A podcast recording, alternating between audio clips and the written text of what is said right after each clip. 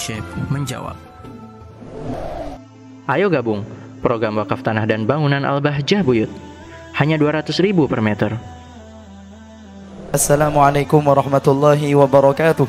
Waalaikumsalam warahmatullahi wabarakatuh. Maaf Abah mau bertanya, mau bahas masalah poligami. Dalam hukum Islam kan diperbolehkan berpoligami ya Abah. Nah kalau berpoligami sampai empat itu harus benar-benar adil sama istri-istrinya. Nah yang saya tanyakan itu yang dimaksud adil di dalam Al-Quran itu tolak ukurnya seperti apa Abah? Syukran wassalamualaikum warahmatullahi wabarakatuh. Waalaikumsalam warahmatullahi wabarakatuh. Poligami adalah syar'i. Hal yang sudah ditetapkan di dalam syariat. Akan tetapi tidak semuanya bisa melakukan wilayah itu karena itu adalah wilayah khusus.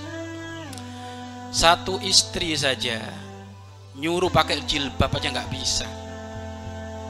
Mau nambah dua nambah tiga nambah empat. Lo nerakanya mau masuk pintu mana kalau kayak gitu?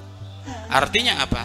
Hal ini bukanlah hal yang yang perlu digembar-gemborkan sunnah nabi sunnah nabi sunnah nabi. Betul memang poligami sunnah nabi. Akan tapi hal itu adalah hal yang sangat berat di dalam kita melakukan. Bahkan tidak semuanya orang bisa melakukan itu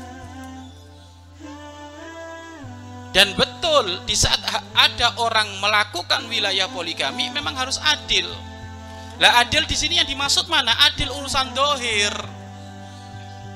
Jangan sampai mukamu itu senyumnya hanya kepada istri yang paling muda. Giliran istri yang paling tua cemburuknya pol. Wah, kalau kayak gini nanti di hari kiamat itu dia akan dibangkitkan oleh Allah dalam keadaan miring anggota tubuhnya itu.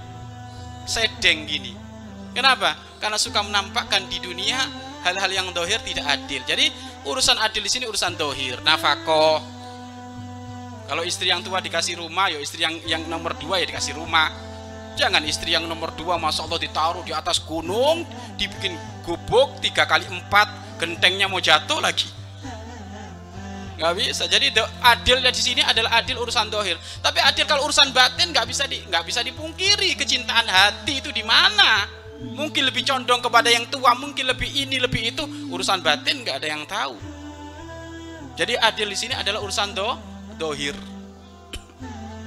ya urusan do dohir ya urusan nafako nafako dohir ya adapun kalau urusan kecintaan nggak bisa. Suruh adil pasti ada kecenderungan. Mungkin lebih berat dengan yang tua. Mungkin ini mungkin itu. Ini urusan kecintaan nggak bisa. Tapi kalau urusan dohir urusan yang nampak kelihatan mata harus a adil. Tetapi ingat itu adalah wilayah yang sangat berat. Nikah satu aja hukumnya bisa haram bisa sunnah bisa mubah bisa wajib apalagi nikah du nikah dua ya. Tetapi tidak boleh mengingkari adanya poligami yang mengingkari adanya poligami maka dia telah mengingkari syariat baginda Nabi Muhammad Wasallam. Yang mengingkari syariat baginda Nabi Muhammad maka Nabi Muhammad terlepas dari dia untuk diaku sebagai umatnya. Loh dia nggak ngakui syariatnya Rasulullah kok. Dan ini muncul, memang muncul ada di perkuliahan-perkuliahan sana itu. Ini termasuk adalah diskriminasi kepada wanita. Kenapa yang boleh yang boleh poligami kok laki-laki tok, perempuan nggak boleh? kan harusnya ada poliandri berarti ya. Kan perempuan kan bisa juga nikah satu nikah dua ya bebel kamu itu memang perempuan. Ya kan gitu kan? Bebel dan gatelen gitu aja sudah is ada kayak gitu itu katanya dosen. Ya kan? Islam ini termasuk adalah agama yang mendiskriminasikan wanita. Masa yang boleh nambah nambah nikah kok cuma laki-laki perempuan kan harusnya boleh akan aku perjuangkan bahwasanya nanti akan adanya poliandri goblok. Gitu aja guys. Gak usah banyak ngomong kan gitu. Iya kan? Langsung aja jalan pintas bebel jangan banyak ngomong. Gitu aja sudah. Ini orang ada aja kayak syariat baginda Nabi Muhammad itu nggak bisa diterka-terka kita hidup itu sudah ada tuntunan ada ajaran dari Rasulullah SAW jangan bikin ajaran sendiri kamu Ya ujung-ujungnya intinya dia menentang adanya poligami. Ya, kalau menentang adanya poligami akan dihukum oleh Allah nanti itu. Suaminya, istrinya empat nanti itu. Iya kan? Dan jangan takut. Ya, bagi seorang pemudi atau ibunda-ibunda yang di rumah sana, di saat adanya syariat itu menganjurkan memperbolehkan poligami, engkau wahai ibunda nggak perlu takut Gak perlu takut bagaimana? Ikatlah suamimu agar supaya nggak masuk wilayah poliga, poligami. Loh Masya Allah suaminya kalau pulang ketemu kardus baunya apek. Iya kan gitu. Kalau pulang sudah gak pernah mandi, sudah gitu tadi mau baru goreng terasi. Iya kan? Goreng terasi plus goreng ikan asin. Sudah gitu langsung ketemu suaminya, meluk-meluk suaminya keder astagfirullah ini umamah min aina ini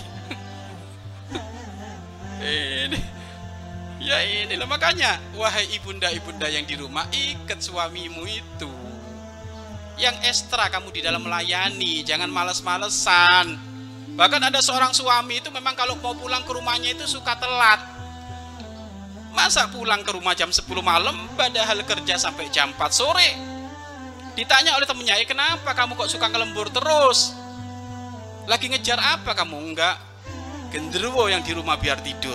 Nah ini kan bahaya.